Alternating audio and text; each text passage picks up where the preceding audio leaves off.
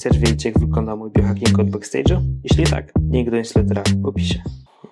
Cześć, witajcie, z nami Adrian Gorzycki i więcej nic nie będę mówił. Tak jak teraz powiedziałem, musi się nam nieskromnie przedstawić po amerykańsku. E, znaczy spróbuję, aczkolwiek mm, tak jak właściwie już rozmawialiśmy przed nagraniem wywiadu, e, w Polsce mam wrażenie, że ludziom ciężko jest się chwalić po amerykańsku, co wynika z tego, że po pierwsze nasze społeczeństwo niekoniecznie dobrze sobie radzi z postrzeganiem komu, kogoś, komu dobrze w czymś idzie, to jest raz, a dwa, mm, taka przyczyna, która powoduje, że ja akurat mam pewnego rodzaju opory, żeby gdzieś tam z jakimiś e, wiel z wielkimi przechwałkami mówić o tym, co ja robię. Wynika to z tego, że moi koledzy i moje koleżanki często robią rzeczy w znacznie większej skali, w znacznie większym tempie i z większym rozmachem, więc ta perspektywa jest taka, że jakby no ja się cieszę z tego, co się gdzieś co się u nas dzieje, ale też yy, cytując słowa mojego kolegi, staram się sukcesy świętować jak najkrócej. Bo popadanie, osiadanie na laurach i, i to jest jakby rzecz, która najczęściej kończy się czymś takim, że nagle wybucha pożar, pojawia się burza wokół nas, a my znajdujemy się w środku tornada, więc y, wolę raczej być cały czas czujnym. Ale do rzeczy, jak to mawiają tragarze, Nazywam się Adrian Gorzycki. Razem ze wspólnikami prowadzimy firmę, która specjalizuje się w wideomarketingu. Jednym z elementów tej firmy jest całkiem znany kanał na YouTubie, który się nazywa Przygody Przedsiębiorców, gdzie na dzień publikowania tego wywiadu, nie wiem kiedy to będzie, ale prawdopodobnie już przekroczymy wtedy 90 tysięcy e, subskrybentów. Zrobiliśmy około 200 wywiadów z przedsiębiorcami. E, a takim coraz bardziej istotnym i rosnącym obszarem naszej działalności jest to, że wykorzystując nasze doświadczenie, zaplecze sprzętowe oraz zespół, prowadzimy również kanały na YouTubie innym przedsiębiorcom. Klinice ortopedycznej, e, bardzo dużemu e, call center, restauracji, firmie sprzedającej rury preizolowane, potem firmie, która zajmuje się nawozami sztucznymi, jeżeli chodzi o branżę rolniczą, więc rozstrzał branż jest bardzo duży i to jest taki obszar działalności, który coraz bardziej skupia moją uwagę, ale no dzisiaj nie będziemy rozmawiali o YouTubie, tylko podobno o biohackingu. Jeżeli dobrze się przygotowałem na podstawie briefa mailowego, który nam wysłałeś. I dzięki w ogóle za zaproszenie, jest mi bardzo miło. E, cieszę się, że będę mógł się gdzieś tam podzielić jakimiś swoimi wskazówkami i rozwiązaniami, które ja stosuję, żeby funkcjonowało mi się na co dzień lepiej. Już oddaję głos, przepraszam. To ty tu jesteś od rozmowy, ja tu mam tylko zadawać pytania i prowokować cię, żebyś coś ciekawego nam powiedział, a tak na pewno będzie.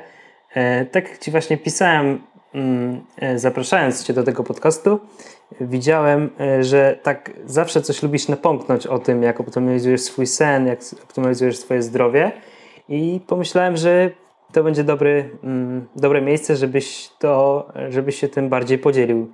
Miał tu więcej czasu na to. Nie tylko jakąś jedną relację na IG, tylko może tutaj 90 minut nam się uda dobry pogawędki zrobić. A więc y, jesteś przedsiębiorcą, Adrian, i interesujesz się biohackingiem, więc połączymy te dwie rzeczy. Chciałbym Cię zapytać, czy Ty jesteś taką jedną osobą na tysiąc wśród przedsiębiorców, która dba o swoje zdrowie tak e, bardziej, czy może te świadomości coraz bardziej zwiększa? Mhm. Wiesz co, odpowiem w ten sposób, że mm, przez to, że prowadzę ten program, to ja żyję w pewnej bańce informacyjnej, która polega na tym, że do naszego programu przede wszystkim trafiają ludzie, którzy są w pewien sposób ponadprzeciętnie skuteczni i chcą o tym opowiedzieć. Bo czasami się zdarza, że nie każdy chce się dzielić e, historią, powiedzmy, swojego sukcesu czy swojej pracy. Natomiast to powoduje, że przez to, że mam do czynienia z takimi ludźmi, no to e, byłbym bardzo ostrożny w interpretowaniu tego, co teraz powiem, że tak robią nagle wszyscy przedsiębiorcy. Bo pomimo, że w skali samych, powiedzmy, kanałów na YouTubie zrobienie 200 wywiadów jest całkiem sporą liczbą, no to patrząc przez pryzmat tego, że według różnych danych w Polsce jest około 2 milionów firm, no to jakby umówmy się, my jesteśmy no, którymś tam totalnie miejscem po przecinku, nie? Natomiast jeżeli mamy patrzeć na przedsiębiorców, którzy faktycznie noszą sukcesy i co oni takiego robią, no to e, przechodząc od razu teraz do rzeczy, to biohacking jest stosowany na potęgę na potęgę i to w bardzo różnych obszarach. Pod kątem optymalizacji snu, pod kątem optymalizacji samego poczucia w ciągu dnia, e, pracy mózgu, tego jaki jest poziom e, testosteronu w organizmie, e, tego w jaki sposób, jak, jak ktoś ma na przykład w ogóle zaprojektowaną sypialnię. Kolejnym poziomem, który też coraz częściej, o którym coraz częściej słyszę, aczkolwiek Raczej przed kamerą tego nie usłyszymy, bo przedsiębiorcy aż takimi kulisami dzielić się nie chcą, więc pozwólcie, że zanonimizuję po prostu te odpowiedzi. To coraz częściej też słyszę na przykład o tym, że przedsiębiorcy niejednokrotnie na przykład stosują, mm, nie wiem czy to dobrze wymówię, Mm, zastępczą terapię hormonalną, że pod opieką lekarza na przykład właśnie przyjmują testosteron i tak dalej, zwłaszcza ci troszeczkę już bardziej zaawansowani wiekiem, gdzie siłą rzeczy, no jakby organizm się starzeje, więc tego testosteronu wydziela troszeczkę mniej, a jak doskonale wiemy, testosteron to nie jest tylko i wyłącznie popęd seksualny, gdzie tak wiele osób bardzo mocno upraszcza. Popęd seksualny jest jednym z elementów, Natomiast testosteron wpływa na szereg różnych rzeczy, jak samo, samo, twoje, twoje samopoczucie, to w jaki sposób śpisz, to czy masz w sobie taką powiedzmy pozytywną, e, taką determinację, taką graniczącą wręcz z taką chęcią zdobywania, z taką pewnego rodzaju zdrową, nazwijmy to agresją. Oczywiście jak prze, prze, prze, prze, mm, przegniesz z testosteronem, no to się mogą dać różne skutki uboczne. Natomiast nie jestem lekarzem, żeby się wypowiadać, więc tego wątku nie będę kontynuował.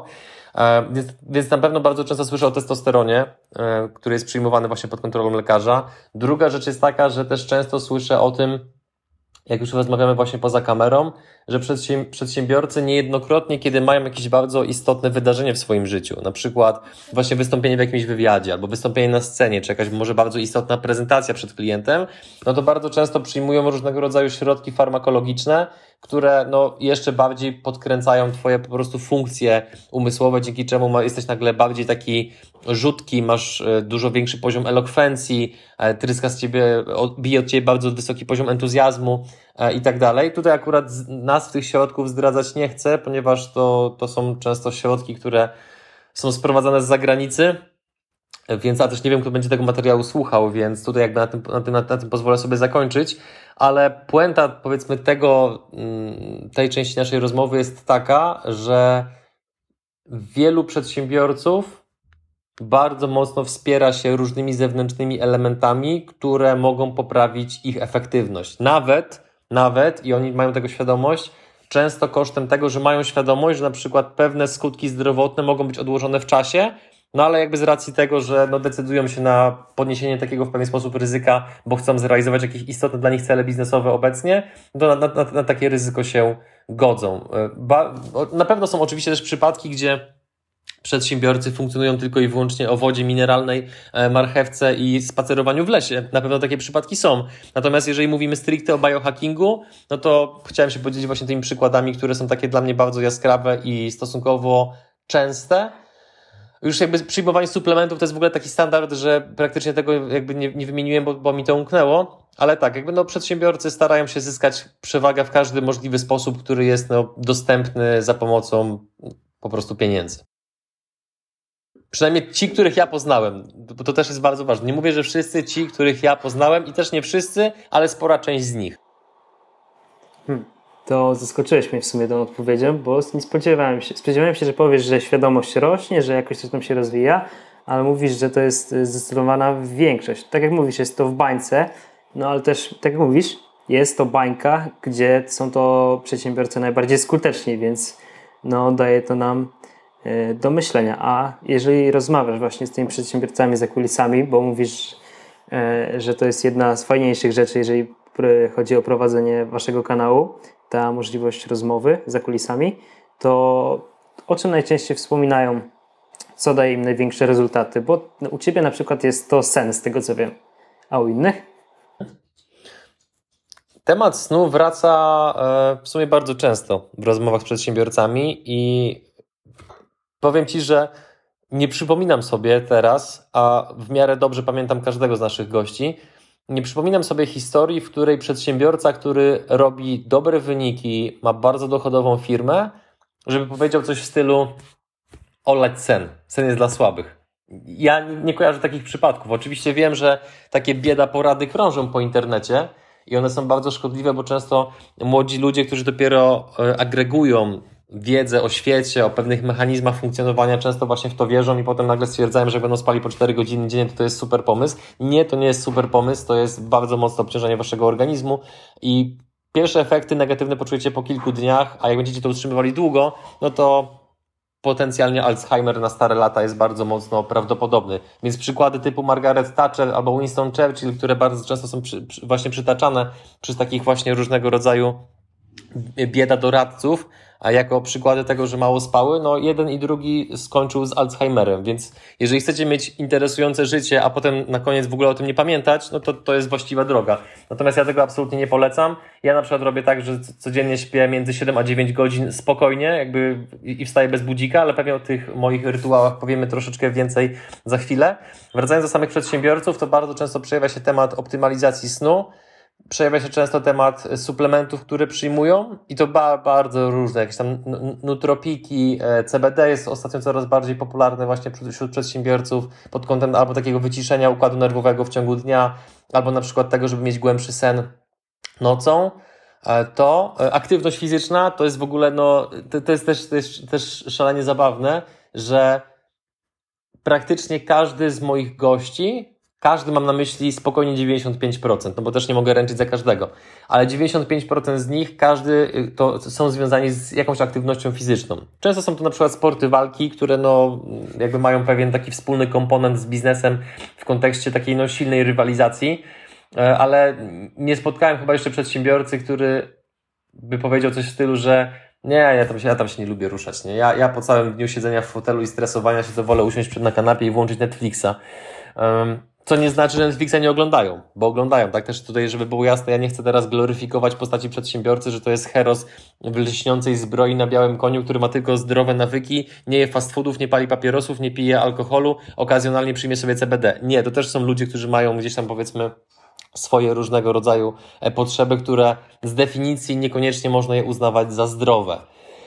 Więc podsumowując, sen, e, suplementy, aktywność fizyczna, medytacja to jest bardzo, to jest, to jest bardzo częsty element, nie? O tym bardzo, bardzo często mówią, żeby właśnie głowa pracowała odpowiednio, czyli właśnie kwestie medytacji.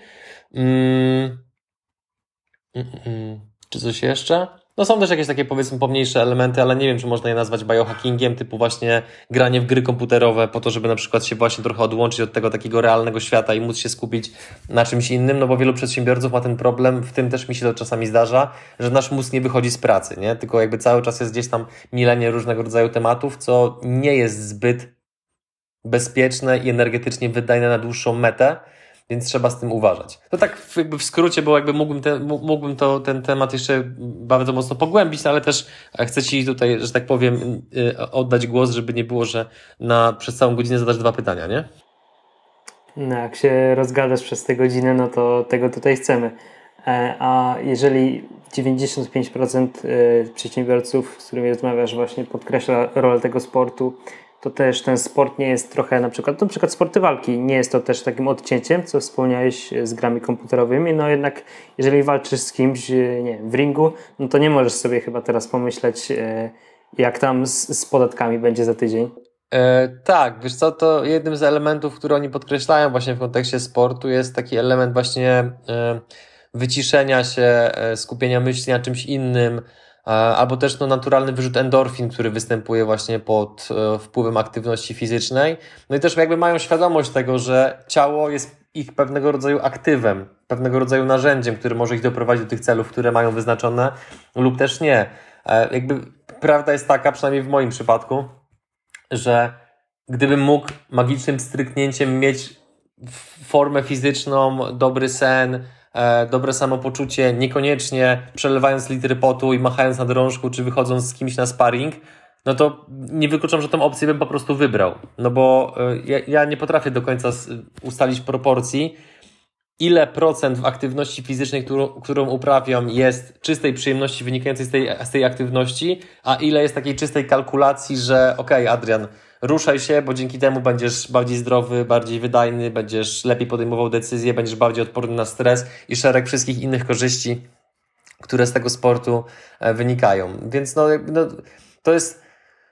Mam wrażenie, że temat po prostu sportu, on już tak bardzo wybrzmiał w tylu różnych miejscach, że no, sport jest, pewno, jest, jest po prostu inwestycją. To, to, to nie jest, z mojej przynajmniej perspektywy, to nie jest forma spędzania wolnego czasu, tylko to jest dla mnie coś jak trochę poranna toaleta. Po prostu umycie zębów, wzięcie prysznica i tak dalej. No, po prostu regularnie ćwicząc powoduje, że wszelkie, wszelkiego rodzaju schorzenia, czy to w obszarze mentalnym, w obszarze psychosomatyki czy w obszarze fizycznym, one po prostu się lekko odsuwają w czasie albo być może w ogóle nigdy nie wystąpią. No bo jeżeli masz ujście tego stresu, który często się w Twoim biznesie właśnie pojawia, między innymi poprzez właśnie sport, no to długofalowo po prostu zdziałasz znacznie więcej a temat chociażby depresji, czy właśnie jakichś stanów lękowych, pewnej, jak, jakichś różnego rodzaju paranoi, czy innych chorób psychicznych, to nie jest wcale rzadkie zjawisko wśród przedsiębiorców. I też mam wrażenie, że wielu przedsiębiorców jest trochę takimi prekursorami w otwartym mówieniu o tym, że na przykład tak, cierpiałem na depresję, tak,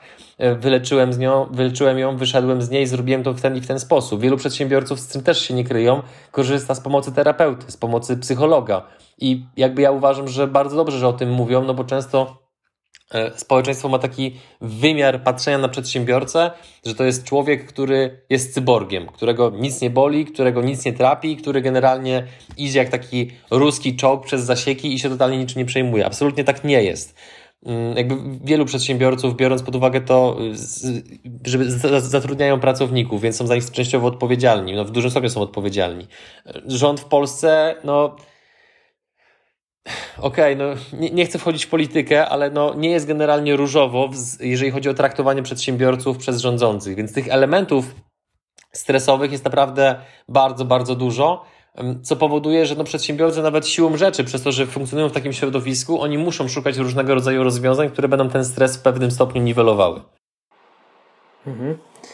E, też to, co jak już rozmawiamy o sporcie, to e, Damian Mazurek, który był gościem tego podcastu, nie w rozmowie ze mną, ale mm, jak się przygotowałem do tego podcastu, wspomniał coś takiego, że e, stara się traktować e, siebie jako przedsiębiorcę, tak jak sportowcy traktują siebie, czyli optymalizować nie tylko jak sportowiec ma swój trening i idzie wiem, na 90 minut i, i, i to jest całe jego życie sportowca, tylko optymalizacja diety całego dnia pod ten trening. Tak, tak samo wydaje mi się, że coraz więcej przedsiębiorców, między innymi przy użyciu tego biohackingu, czy psychologa. E, w ten sposób też tak działa, jak, jak, jak sportowcy po prostu, optymalizując wszystko wokół siebie. Mhm. To jest prawda. Natomiast tutaj taki mogę wątek poruszyć, który według mnie jest pewnego rodzaju pułapką, w którą wiele osób wpada. I ta pułapka polega na tym, że bardzo często się zdarza, zwłaszcza u początkujących przedsiębiorców, że zamiast korzystać na przykład z bezpłatnych metod podnoszenia swojej efektywności i dbania o swoje zdrowie, typu na przykład zadbanie o zdrowy sen, o czym pewnie za chwilę porozmawiamy, to od razu na przykład uciekają w różnego rodzaju suplementy i tak dalej, nie rozumiejąc, że chociażby sen jest absolutnym fundamentem wszelkich procesów, które zachodzą w naszym organizmie. To jest taki troszeczkę case, teraz żyjemy w czasach poprawności politycznej, więc włóżmy kij w mrowisko, to jest taki trochę case, jak e, e, obserwuję, e, case, mówię po polsku, nie? Już pewnie ktoś to wypunktował. Jest to taki przypadek, jaki obserwuję czasami, jeżeli chodzi o płeć przeciwną. Co jest łatwiejsze?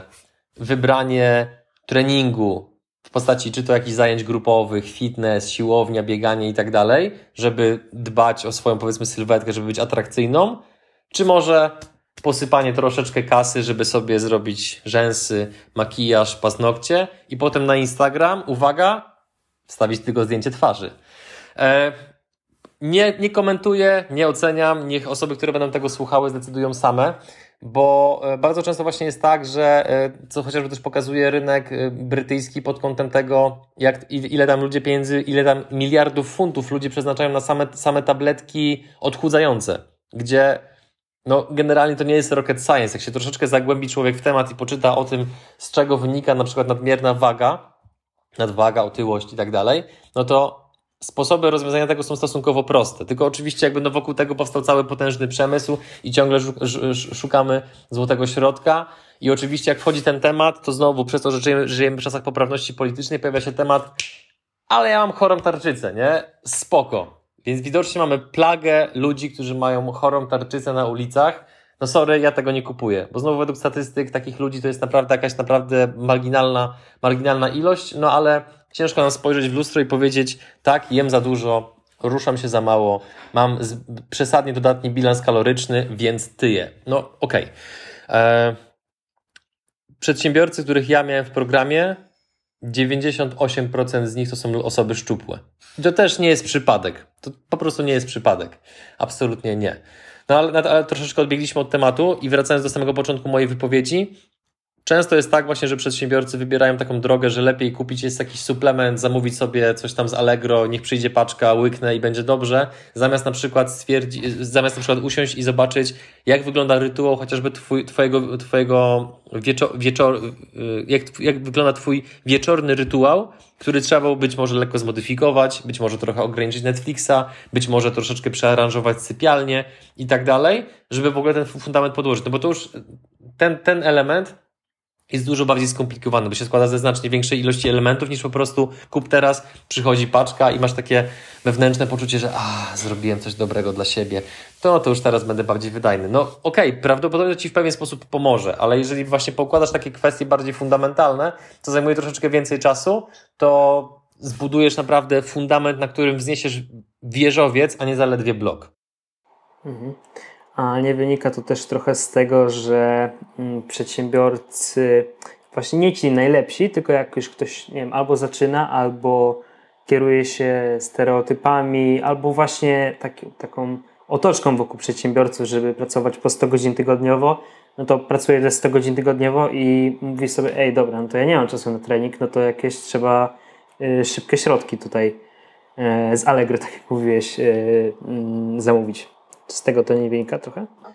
Wiesz, każdy przypadek jest na tyle indywidualny, że nie pokuszę się o ocenę jakąś taką bardzo generalizującą wszystkich, bo to byłoby na pewno bardzo krzywdzące, bo biorę pod uwagę na przykład to, że są ludzie, którzy mają, działają w zupełnie innej branży, o być może niż ja, o, dużym, o dużo większym stopniu konkurencji, zmienności, to, że na przykład mają zupełnie inaczej procesy w firmie poukładane, albo że są na przykład na wcześniejszym etapie, albo że w ogóle jeszcze żadnych procesów w firmie nie mają, albo na przykład mają dwójkę dzieci w domu, albo są w trakcie rozwodu. No, przypadków jest naprawdę po prostu ogrom, więc ja teraz, żeby było jasne, nie jestem kaznodzieją, który mówi, słuchaj, rób tak, nie rób tak, bo to jest złe i tak dalej. Mówię, dzielę się tylko i wyłącznie swoimi obserwacjami a propos ludzi, których miałem okazję poznać.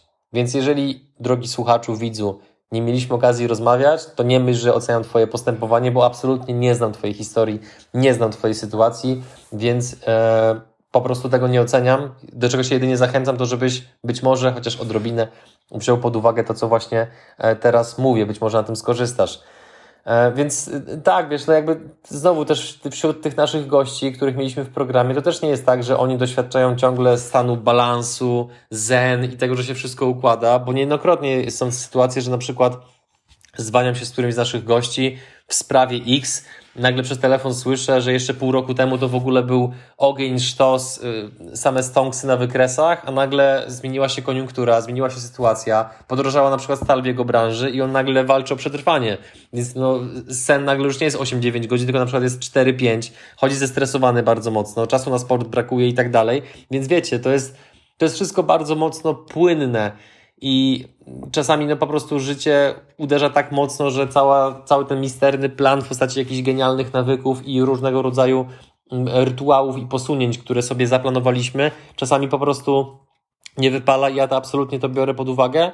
E, no niemniej zachęcam do tego mimo wszystko, żeby do, starać się, kiedy nie możemy dbać, kiedy musimy z czegoś rezygnować, to starajmy się nie rezygnować z fundamentów i przede wszystkim o nie dbajmy, no bo to potem tak naprawdę powoduje, że nawet kiedy już ta burza w naszej obecnej sytuacji zawodowej czy w naszej branży minie, to będziemy mogli do, do tych fundamentów wrócić i z powrotem ten wieżowiec sobie z powrotem budować. Mhm. A pociągnę jeszcze ten y, temat y, otoczenia, które, nie otoczenia, nie, takiej kultury, która się zbiera wokół przedsiębiorców, żeby właśnie pracować y, jak najwięcej, jak najdłużej, żeby to robić kosztem snu i przez to też wydaje mi się właśnie, że wiele osób zaniedbuje ten sen po prostu, mówi, że nie ma na niego czasu. E, I nie uważasz, że, że, no, że właśnie ta kultura e, bardzo, bardzo negatywnie wpływa na to, jak przedsiębiorcy dbają o siebie? Wiesz co, tutaj musimy, z mojej perspektywy przynajmniej, zrobić lekki krok wstecz, żeby spojrzeć troszeczkę z szerszej perspektywy na pewne sprawy. I teraz tak, znowu, wszystko co będę mówił w tym nagraniu, opieram albo o swoje osobiste, osobiste doświadczenia, albo swoje osobiste obserwacje ludzi, z, którym, z którymi miałem lub mam kontakt. I teraz ten, ta kultura, o której ty powiedziałeś, żeby właśnie tam pracować praktycznie pod zajazd i tak dalej, to ona faktycznie występuje u sporej grupy przedsiębiorców. Natomiast to, co łączy tych ludzi, których ja poznałem, którzy właśnie pracują w tym stylu, no to jeżeli to akurat nie jest u nich okresowe, bo akurat mają powiedzmy żniwa, jest y, sezon w ich branży, albo wydarzyło się coś innego, co powoduje, że mówiąc kolokwialnie, starają się zarobić jak najwięcej pieniędzy, bo są, są ku temu sprzyjające okoliczności, to to są jakby sytuacje, których, których jakby nie analizuję, bo to jest normalne. Umówmy się, jeżeli sam bym znalazł się w sytuacji, w której mogę spać 9 godzin i zarabiać X, albo mogę spać 6 godzin i zarabiać, zarobić przez jakiś czas 5 albo 10x, no to przepraszam, jako krwiożerczy kapitalista wybrałbym tę drugą opcję, a potem po prostu zrobiłbym sobie pewnie miesięczny urlop, żeby się wszystko w miarę gdzieś tam zbalansowało.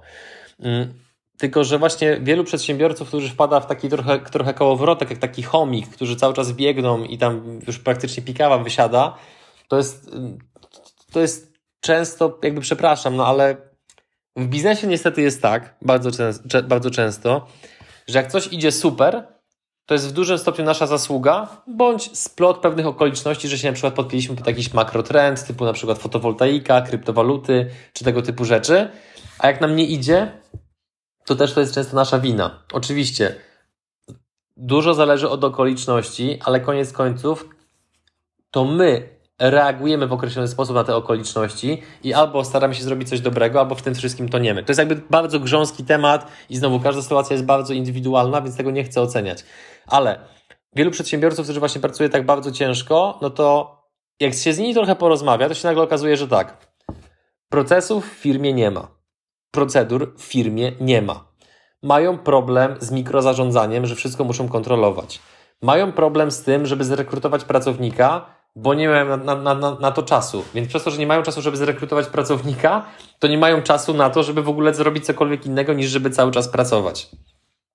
E, kolejna rzecz jest taka, że na przykład niewłaściwie dobrali wspólnika. Okazali, okazało się, zaskoczenie, że kumpel, z którym się dobrze gada przy piwie, niekoniecznie jest wspólnikiem, który ma komplementarne kompetencje i umiejętności do Twoich. Bądź w ogóle ma zupełnie być może inną wizję, albo okazało się, że nie chce być przedsiębiorcą tak naprawdę, tylko po prostu chciałby mieć wszystko to, co przedsiębiorczość daje, ale nie chce robić tego, czego przedsiębiorczość wymaga. Więc obserwując tych ludzi, a na przykład właśnie przed mm, wywiadem z Tobą, gdzie, przepraszam, biję się w pierś, spóźniłem się 5 minut, prowadziłem e, rozmowę, taką dwugodzinną konsultację z gościem, który prowadzi, tutaj wybaczcie, ale go zanonimizuję, bo nie wiem, czy chciałby, żebym o nim o tym w ten sposób mówił, ale prowadziłem konsultacje właśnie tam a propos spraw IT, gdzie on właśnie udzielał nam informacji, co mamy zrobić w ramach naszej firmy i tak dalej. No i to jest gość, który ma filozofię pracy, że on 8 godzin dziennie to jest jego maks, przy którym pracuje, a przeważnie pracuje po 4-6 godzin. Dlaczego? Wszystko, co mógł, to praktycznie zdelegował, zoutsourcował, zautomatyzował, ma na wszystko praktycznie procedury i procesy w firmie, zatrudnia ludzi, którzy są często dużo bardziej kompetentni od niego. I teraz oczywiście, tutaj zróbmy pauzę, ktoś z boku patrząc powie, no tak, ale nie wiemy, czy miał kasę od rodziców albo coś tam i tak dalej. Nie, nie miał kasy od rodziców, jakby co, nie jest bananem. Po prostu on samo sobie mówi, że on ma tak leniwy umysł, że on za każdym razem szuka, co można zrobić łatwiej, prościej, taniej, szybciej. Szuka tego wręcz na poziomie już obsesji. No i to powoduje, że po iluś latach działalności znalazł się w sytuacji, w której jest międzynarodowym ekspertem w dziedzinie, w którą się zajmuje, ma kilkudziesięcioosobową firmę, stawka godzinowa jego pracownika dla zewnętrznych klientów to jest 400 dolarów. Więc no, jakby umówmy się, gość prawdopodobnie ogarnia jedną czy dwie rzeczy w życiu.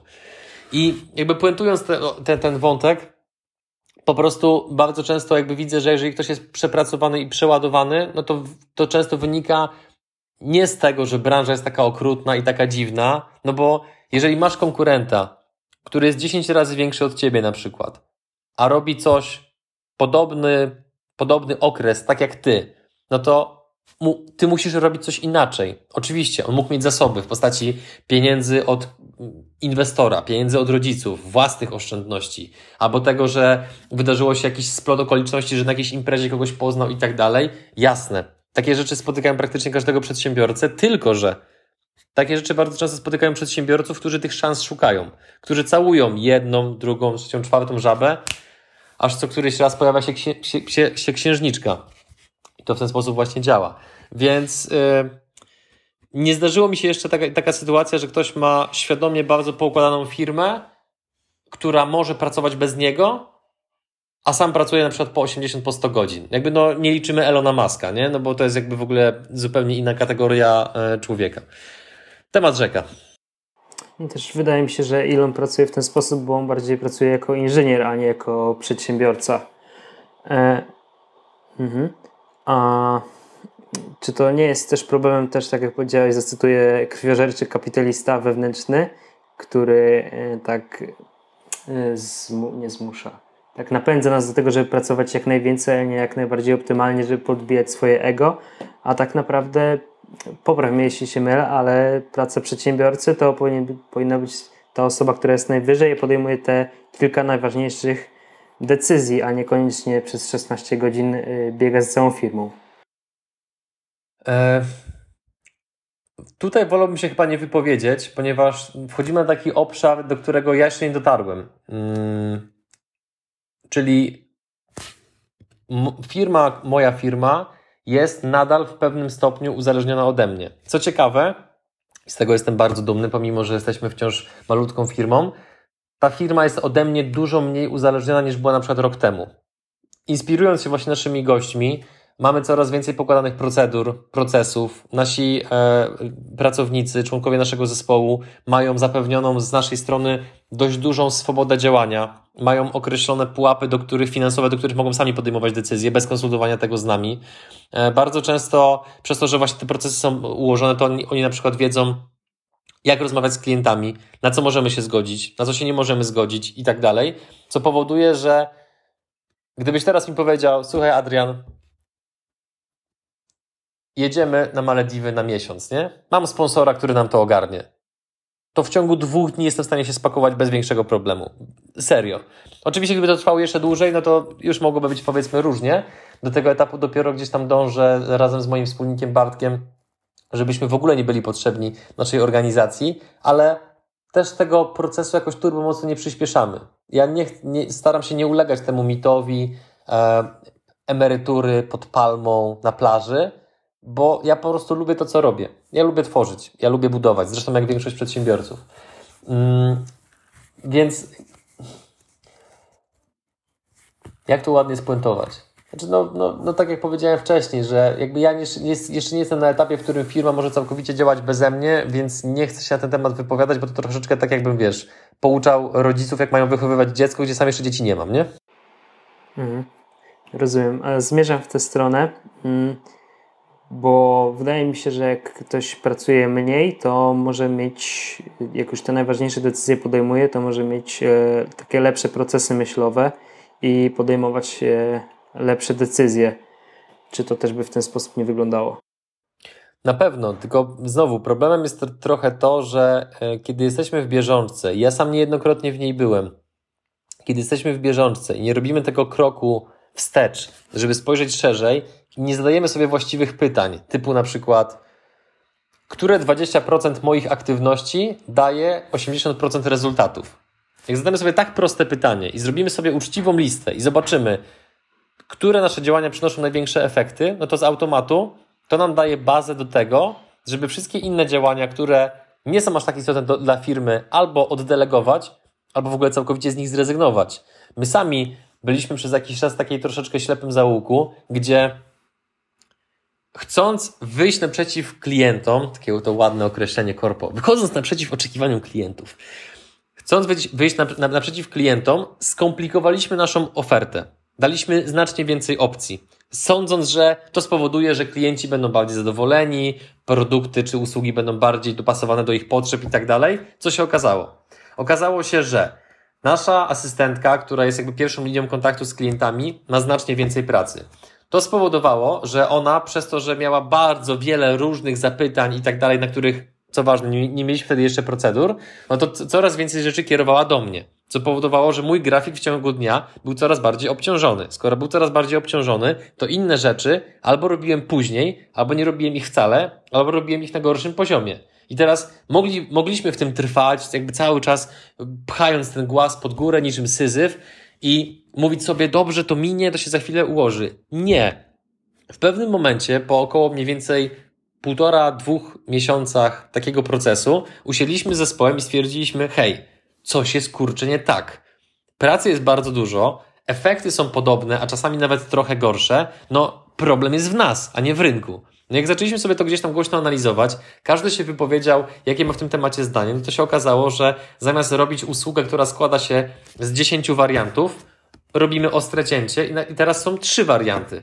Co to spowodowało? Mniej pracy, liczba klientów na tym samym poziomie, a czasami nawet wyższa, konwersja znacznie wyższa. Ja nie muszę być zaangażowany w proces sprzedaży, tylko tak naprawdę wszystko się kończy na poziomie naszej asystentki i dużo uwolniliśmy masę czasu, zarabiamy więcej pieniędzy, dlatego, że zadaliśmy właściwe pytania i w pewnym momencie zaciągnęliśmy hamulec ręczny zamiast cały czas biec z wywieszonym jęzorem, gojąc własny ogon. A to jest właśnie sytuacja, w której no niestety znajduje się gdzieś tam wiele firm, co znowu też wynika często z tego, że e, są różnego rodzaju kredyty, leasingi, zobowiązania, być może przesadnie rozbudowany zespół, rosnące koszty pracowników, więc przedsiębiorca ma presję, żeby na to wszystko gdzieś tam próbować zarobić. I teraz co ciekawe, kolejny, kolejny przykład akurat mojego kolegi, który miał 20-osobowy zespół. To była, nazwijmy to w uproszczeniu, agencja kreatywna, żeby nie zdradzać zbyt wiele. Miał 20-osobowy zespół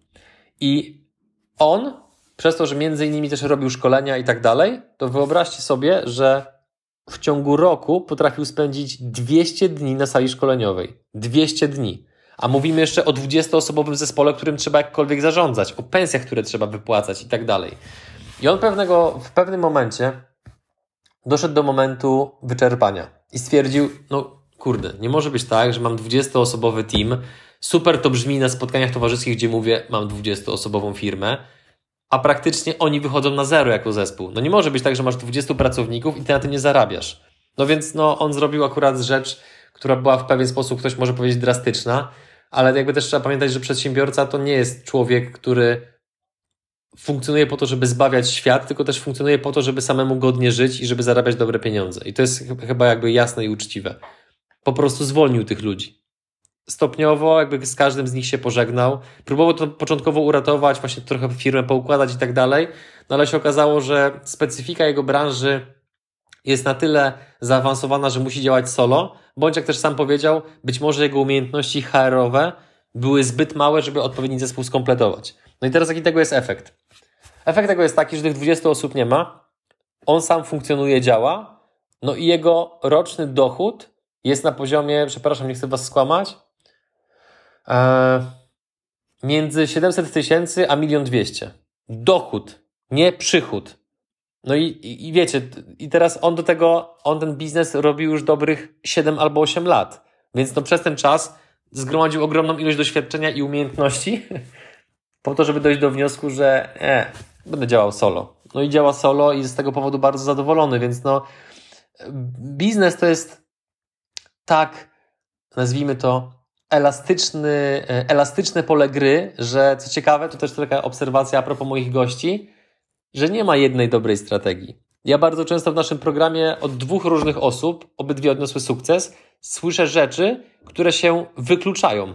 A mimo to, biorąc pod uwagę jakieś, jakieś okoliczności, specyfikę branży czy inne czynniki, w ich przypadku zadziałało. Więc jedną z najmądrzejszych chyba porad, jakie można usłyszeć w kontekście biznesu i jednocześnie tej porady udzielić innym, to jest to, że e, eksperymentowanie jest drogą. Serio, jakby ze wszystkim, non-stop. Jak coś działa, ok, spisz, wdróż to zespół, oddeleguj, szukaj kolejnego procesu, który możesz usprawnić i tak w kółko, praktycznie bez końca. Ja kiedyś na przykład, to ostatnia dygresja, jak umawialiśmy właśnie wywiady, to robiłem wszystko od A do Z. Pozyskanie gościa, wysłanie maila, umówienie terminu, ustalenie zakresu wywiadu, E, potem e, pojawienie się w studiu, sprzętu akurat nie ogarniałem, bo robił to mój wspólnik i tak dalej. Potem wystąpienie przed kamerą, potem wysłanie wywiadu do autoryzacji, publikacja, wymyślenie tytułu miniatur. Dzisiaj przychodzę do studia, siadam przed kamerą i nagrywamy. Wszystko można, przynajmniej z mojej perspektywy, na bazie moich skromnych doświadczeń, zaledwie dziewięcioletnich, wszystko można w pewien sposób uprościć, zautomatyzować, oddelegować. Oczywiście, jeżeli są ku temu sprzyjające okoliczności, a my sami jesteśmy na to gotowi.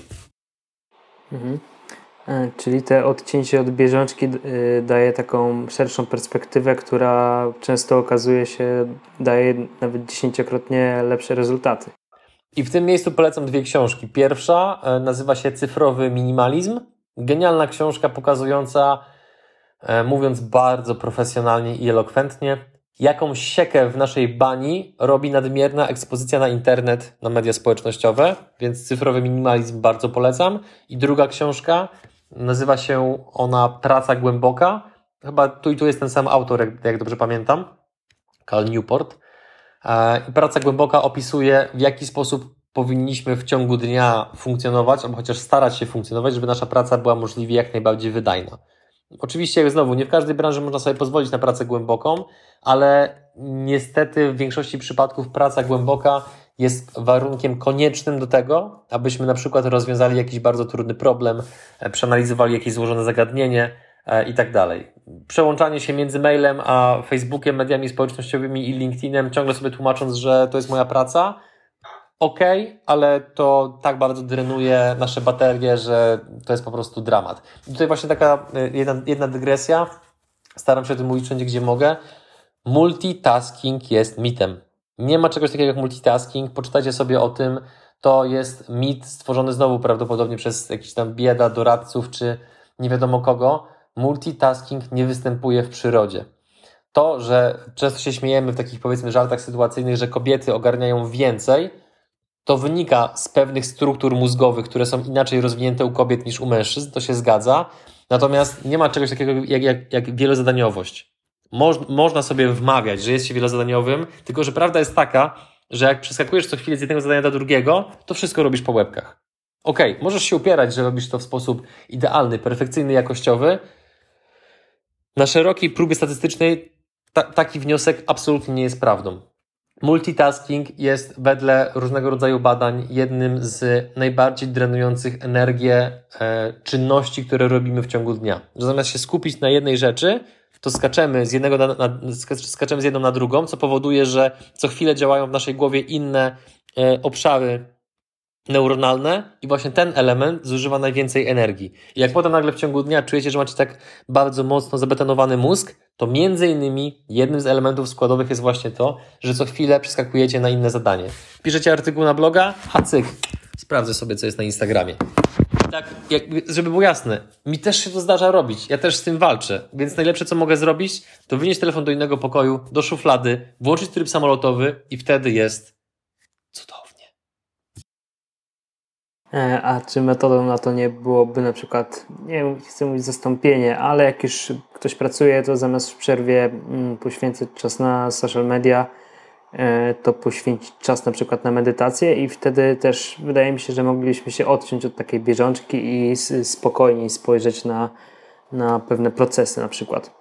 Tutaj poruszyłeś istotny wątek, bo to w ogóle jest jedna z częstszych, jeden z częstszych błędów, jedna z częstszych pułapek, które wpadamy, że na przykład jesteśmy na jakimś zebraniu, na jakimś spotkaniu, nagle robimy sobie przerwę, część osób idzie do toalety, część wychodzi na powietrze, a większość bardzo często odpala właśnie telefon i sprawdza, co tam jest na mailu, co jest na Messengerze, co jest na Instagramie i żeby było jasne, ja wiem, że czasami to jest istotne, sam tak robię, ale jednocześnie wiem, znowu wedle badań naukowców, że kiedy masz przerwę, to faktycznie zrób sobie przerwę. Zrób sobie przerwę od dopływu nowych informacji do Twojej głowy. Niech ten poziom, który w tej głowie jest, która jest tam już napompowana różnego rodzaju informacjami, chociaż trochę opadnie. Niech mózg sobie to w pewien sposób przetrawi, skataloguje, żebyś był gotowy na to, żeby po przerwie być dalej, dalej możliwie jak najbardziej wydajnym uczestnikiem po prostu dyskusji. Natomiast no, jakby większość osób no, ma już po prostu ten nawyk, że wyciągamy telefon, cyk, odpalamy kolorowy świat i patrzymy, co w nim słychać. Kolejna dawka dopaminu uwolniła się do krwiobiegu, więc jesteśmy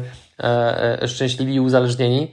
No, co też jakby nie ma co się dziwić, jeżeli no, takie firmy jak Facebook i tym podobne molochy zatrudniają ludzi, którzy specjalizują się, nie pamiętam jak się to dokładnie nazywa, ale są, y, ich wiedza sprowadza się do tego, żeby projektować wszystko w taki sposób, żeby jak najdłużej utrzymać Twoją uwagę, no to, no to jakby, wiecie, jakby człowiek mieszkający sobie w małej miejscowości pod Bydgoszczą, czyli ja, no ma niewielkie szanse w starciu z ludźmi, którzy są najtęższymi umysłami świata, zatrudnionymi przez jedne z najbogatszych korporacji po to, żeby chwytać moją uwagę. Więc no, skoro no, walka jest tak bardzo nierówna, to wszystkie chwyty dozwolone.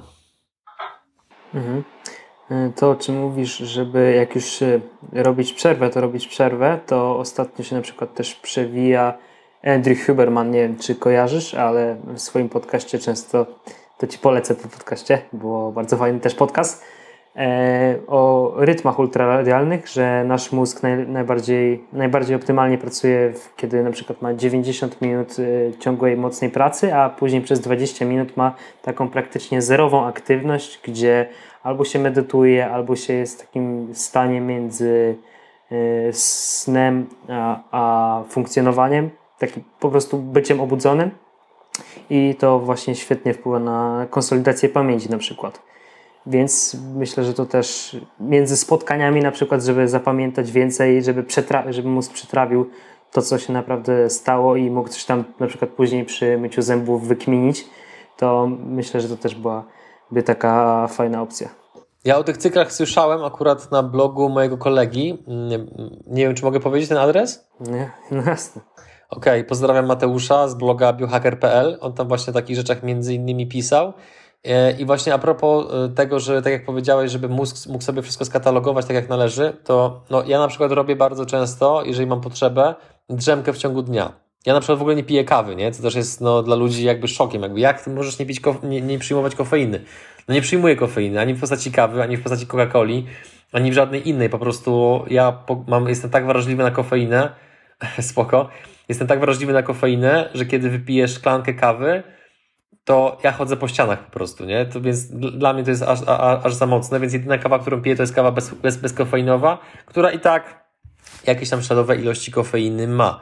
Ale właśnie a propos tej drzemki, ja na przykład zauważyłem coś takiego, że dla mnie moment drzemki w ciągu dnia, to tak trochę na zasadzie metafory, to można przyrównać do tego, że mamy silnik, który jest bardzo mocno obciążony przez cały dzień, nagle się zatrzymujemy, i, i, i chłodnica zaczyna pracować jeszcze bardziej wydajnie, że ta temperatura tego silnika spada. Ja dokładnie to czuję, co się właśnie dzieje pod, pod kopułą u mnie, że jak w ciągu dnia, w okolicach najczęściej godziny 14-15 zrobię sobie 20 minut przerwy, tryb samolotowy, jakaś spokojna muzyka, albo nawet po prostu cisza, i często też na, na macie i głowę leży tak na marginesie wtedy, no to po tych 20 minutach to Naprawdę jest ogromna, ogromna różnica. Polecam. Sen jest naprawdę no, bardzo niedocenianym narzędziem, które robi kosmiczną różnicę w naszym funkcjonowaniu. Mhm, zgadzam się zdecydowanie z drzemkami. Teraz ostatnio nawet wprowadzam, wprowadzam próbuję nawet dwóch drzemek w ciągu dnia, bo czasami jestem naprawdę, już tyle drzemek zrobiłem, nie wiem, od dwóch lat praktykuję, jak nie więcej, ale czasami dalej jestem pod wrażeniem, że taki zmęczony, 14, a później po 20 minutach chce mi się wszystko, chce mi się biegać normalnie, tak mówiłeś po ścianach. A nawet takie najmniejsze dawki kofeiny na ciebie tak działają? Tak, tak, tak. Jakby ja już próbowałem różnych opcji i yy, bo ja też na przykład wyeliminowałem bardzo mocno cukier ze swojej diety yy, i tam raz czy dwa mi się zdarzyło na przykład wypić kole zero no to ja po coli zero jestem pobudzony, nie? Więc wyobraź sobie, co się dzieje ze mną, jak ja wypiję kawę normalną. Taka mi się zdarzyła sytuacja gdzieś z miesiąc temu, gdzie akurat by, byłem u klienta, który ma restaurację, któremu właśnie robimy kanał na YouTubie. No i wyszła taka sytuacja, że e, on się mnie zapytał, czy czegoś się napije. Ja mu powiedziałem, że chętnie. On nie dopytał o co. Ja poszedłem do toalety, wróciłem z toalety i czekała na mnie kawa, nie? No i teraz tak, no wiecie, jesteś, jesteś w gościach, u kogoś, no jakby, no co powiesz, sorry, nie piję kawy, wylejcie to, no jakby no nie bardzo, nie? No więc tę kawę wypiłem, po prostu wystrzeliło mnie tak, że mówię, Jezu, nie, jakby niech to, niech to się już skończy, kołatanie serca, jakby takie właśnie pobudzenie, taka nerwowość, niepokój. Ja nie lubię tego stanu. Ja, ja wolę być gdzieś tam albo pobudzony dzięki temu, że się, że, że się bardzo wyspałem, albo dzięki temu, że był super trening zrobiony, aniżeli za pomocą kofeiny. To po prostu nie jest dla mnie. Mhm. Rozumiem. Tak, już mówisz, że sen tak na ciebie świetnie działa, to zapytam cię, jak, w jaki sposób optymalizujesz ten swój sen i wiem, że teraz się będziesz długo wypowiadał, bo na tym się przede wszystkim skupiasz i dużo tych elementów jest, także proszę bardzo.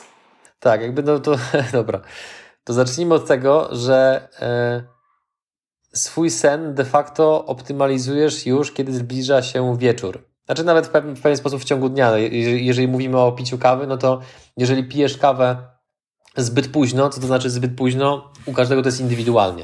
Ale jakby no, wiele, wielokrotnie słyszałem o tym, że na przykład wiele osób nie pije kawy na przykład już na przykład po godzinie 14, żeby ta, żeby ta kofeina mogła się rozłożyć w organizmie, to się dzieje stosunkowo powoli. Więc jakby, ok, ja nie piję kawy, to jest ten element wycinamy. Kolejna rzecz jest taka, że 3 godziny przed snem zakładam okulary blokujące światło niebieskie. Mogę nawet Wam je pokazać, bo mam je tutaj pod ręką, więc przyniosę zabawki. Momencik. I teraz tak. Okulary akurat mam e, marki iShield. Każdemu, kto prawdopodobnie siedzi w temacie biohackingu, to jest temat znany. Więc zakładam sobie 3 godziny przed snem właśnie okulary blokujące światło niebieskie. Tak bardzo się do nich przyzwyczaiłem, że jak na przykład jedziemy do, gdzieś do znajomych albo do jakiegoś hotelu i zapomnę ich wziąć, to jestem cały nerwowy, bo potem wieczorem jakby czuję, że te oczy mają dużo większy poziom obciążenia, jak się na przykład jakiś ekran jest włączony, czy nawet jak są włączone po prostu LEDy. Więc te okulary bardzo mocno e, powodują, że mój wzrok się nie męczy, e, szybciej zasypiam i teraz ktoś zapyta, no dobra, cwaniaczko, ale jak to mierzysz? Mierzę to chociażby w taki sposób, że yy, mieszkając z moją narzeczoną, wcześniej chodziliśmy razem spać o podobnej godzinie. Odkąd ja noszę okulary, a ją wciąż próbuję do tego przekonać, to ja chodzę średnio spać o półtorej godziny szybciej. To robi ogromną różnicę potem w długości samego snu. Więc noszę okulary, 3 godziny przed snem je zakładam, a czasami nawet jeszcze szybciej. Kolejny element jest taki, akurat właśnie mi się zegarek ładował, że mam zegarek e, Polar Ignite, również polecony przez Mateusza z e, biohacker.pl. Jako zegarek, który z jego perspektywy ma najlepszą proporcję ceny do oferowanych funkcji. E, rozważałem, czy na przykład sobie nie, nie kupić właśnie tam smartwatcha od Apple'a, tylko że ja tak bardzo jestem zanurzony w internecie, że nie chcę być jeszcze bardziej. Nie chcę mieć powiadomień, że ktoś dzwoni, że ktoś wysłał SMS-a albo maila. Nie chcę, bo tych bodźców już mam za dużo, a propos cyfrowego minimalizmu, o którym rozmawialiśmy wcześniej. Kolejna rzecz, jeżeli chodzi o samą sypialnię. Śpię pod kołdrą obciążeniową. To jest taki rodzaj kołdry, która, e, którą się jakby tam można kupić w internecie, bądź w sklepach jej nie widziałem, ale w internecie bez problemu, jak wpiszecie kołdra obciążeniowa, to znajdziecie bez żadnego problemu. I to jest jakby taki myk, e, myk, takie rozwiązanie, które polega na tym, że na 10 kg masy swojego ciała przyjmujecie 1 kg kołdry. Dlatego ja, ja na przykład ważąc 93 kg, mam kołdrę, która tam akurat waży 10 kg. I to powoduje tam, jakby nie chcę teraz wchodzić w szczegóły, bo sobie o tym można na pewno poczytać badania w internecie, ale sen pod taką kołdrą jest po prostu lepszej jakości. Kolejna rzecz jest taka, że niezależnie czy zima, jesień, wiosna, lato, godzinę przed pójściem spać otwieram po prostu okno w sypialni Zimą to potem powoduje taki efekt, że jak wchodzę, to, to wręcz dygoczę. Zwłaszcza, że dla lepszej regulacji e, temperatury ciała ja śpię bez żadnych ubrań. Co powoduje, że jak nagle wchodząc w, w ubiorze Adama do sypialni, w której jest powiedzmy 16 stopni, to aż po prostu wręcz robi ci się zimno. Dzięki czemu tym bardziej ochoczo wskakujesz pod kołdrę obciążeniową e, i po prostu poziom głębokości snu jest kolosalny. Kolejna rzecz a propos poprawy jakości snu, która daje kosmiczne efekty i mało kto ją stosuje. Iść spać na głodnego. E, nie zawsze mi się to udaje, bo za bardzo kocham jedzenie, zwłaszcza kiedy e, moja narzeczona przygotuje coś dobrego, bo ma po prostu boskie ręce, jeżeli chodzi o sprawy kulinarne, więc e, czasami świadomie rezygnuję z dobrego snu po to, żeby sobie zjeść dobry posiłek, jeżeli wrócę późno do domu. Ale na przykład, jeżeli mi się uda zjeść kolację w okolicach godziny 18-19, a kładę się spać koło 11, koło północy, to parametry na zegarku pokazujące sen praktycznie zamykają tarczę, jeżeli chodzi o jakość snu. Więc na pewno bycie głodnym przed snem jest, jest mega opcją. Rzeczą, dwa, dwa, elementy, które chciałbym jeszcze przetestować. Aha, jeszcze ważna rzecz. Mamy super wygodne poduszki. Tu akurat nie, nie powiem Wam dokładnego modelu i szczegółów. To są takie poduszki, które się dopasowują do kształtu Twojej głowy. One nie są od razu jakoś tam wyprofilowane. One są takimi normalnie prostopadłościanami, które mają taką specjalną gąbkę, że jak się kładziesz, to ona faktycznie dopasowuje się do kształtu Twojej czaszki. Akurat Kamila je gdzieś kupowała. Pamiętam tylko tyle, że one kosztowały chyba 300 albo 350 za sztukę, więc jak na poduszkę to jest całkiem dużo, ale z drugiej strony biorąc pod uwagę to, że jedną trzecią życia spędzisz śpiąc, no to chyba warto zainwestować w ten element, zwłaszcza jeżeli kupujemy e, e, narty, na których jeździmy kilka razy w roku za gruby hajs, no to na poduszki ja bym akurat nie oszczędzał. Więc poduszki to jest kolejny element.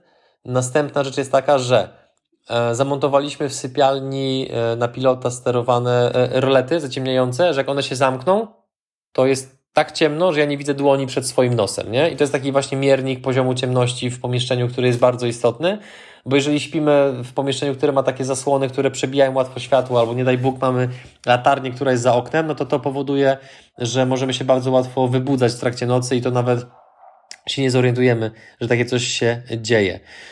Rzeczy, które Aha, picie alkoholu przed snem rozwala ci sen głęboki, nie? Jakby, jeżeli wierzysz w mit, że dzięki alkoholowi lepiej zaśniesz, okej, okay, może zaśniesz szybciej, ale pewnie będziesz spał lepiej. Po prostu nie ma takiej możliwości. Alkohol absolutnie niszczy sen głęboki, podczas którego następuje właśnie ta prawdziwa, silna regeneracja twojego organizmu. Więc lampka wina przed snem, no jakby badania tego nie zalecają, nie? Każdy robi jak uważa. Ja alkoholu nie piję praktycznie w ogóle, więc mi to totalnie nie robi, czy, czy, czy można, czy nie można.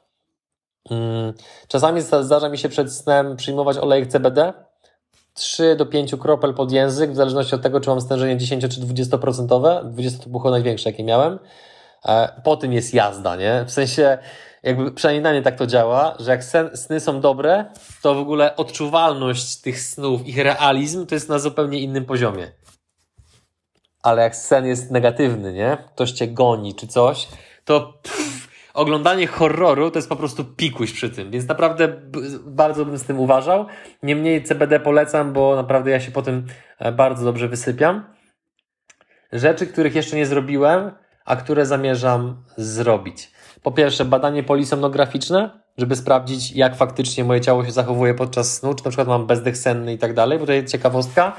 E, jeżeli chrapiesz podczas snu, i jesteś z tych, którzy wierzą, że to jest dobrze, bo to znaczy, że jesteś zmęczony, że masz głęboki sen, to polecam poczytać, czym w ogóle jest chrapanie. Chrapanie to jest choroba, a nie oznaka tego, że jest wszystko dobrze. Właśnie raczej jest y, niezbyt dobrze, skoro chrapiesz, bo to powoduje, że obniżasz drastycznie jakość swojego snu. Ja jestem z tych, którzy chrapią, więc nie wykluczam tego, że w najbliższym czasie będę miał właśnie, robię to badanie polisonograficzne i prawdopodobnie trzeba będzie coś pomajstrować, na przykład z moją przegrodą i tak dalej, żeby ten nos był dużo bardziej drożny, jeżeli chodzi o spanie. Więc mamy badanie polisonograficzne. Kolejna rzecz, którą chciałbym zastosować, to jest kupienie maty chłodzącej. E, ten Chili Pad albo Uller, ten nowszy model, który działa mniej więcej w ten sposób dla tych z Was, którzy nie wiedzą, że możesz kupić wersję jednoosobową albo dwuosobową jeżeli kupujesz wersję dwuosobową, to możesz na pozi z poziomu aplikacji albo pilota, w zależności od modelu urządzenia, możesz sobie ustawić, jaka temperatura ma być y, tej y, podłoża na jednej połówce, jaka na drugiej. Więc jeżeli na przykład ja lubię niskie temperatury, to prawdopodobnie bym sobie ustawił 18 e, stopni, może 19, coś takiego. A jeżeli na przykład moja narzeczona lubi, jak jest ciepło, to sobie ustawiłaby sobie na przykład 22-23 i wtedy ona śpi w ciepłym, ja śpię w chłodnym. Każdy sobie to może dopasować do swoich preferencji termicznych. Więc mata chłodząca to jest kolejna rzecz. I chyba ostatnia, której jeszcze nie testowałem, a którą właśnie Mateusz bardzo poleca, to jest terapia pochylonego łóżka. Czyli od tej strony, gdzie masz głowę, wstawiasz na przykład dwa klocki wysokości powiedzmy od 5 do 15 centymetrów, co powoduje, że twoje łóżko jest lekko przechylone. E, I to powoduje kilka rzeczy. Jakby po pierwsze, e, masz wrażenie, że się z tego łóżka zsuwasz, ale tarcie jest na tyle duże, że raczej się z tego łóżka nie zsuniesz. Dwa, przez to, że Twoje ciało się lekko rozciąga, to następuje dekompresja w kręgosłupie, dzięki czemu kręgosłup dużo bardziej odpoczywa. Trzy, podobno działa dzięki temu lepiej układ limfatyczny. Cztery, śpisz głębiej. Y, pięć, prawdopodobnie z tego, co gdzieś tam czytałem w badaniach, śpisz, y, śpisz krócej.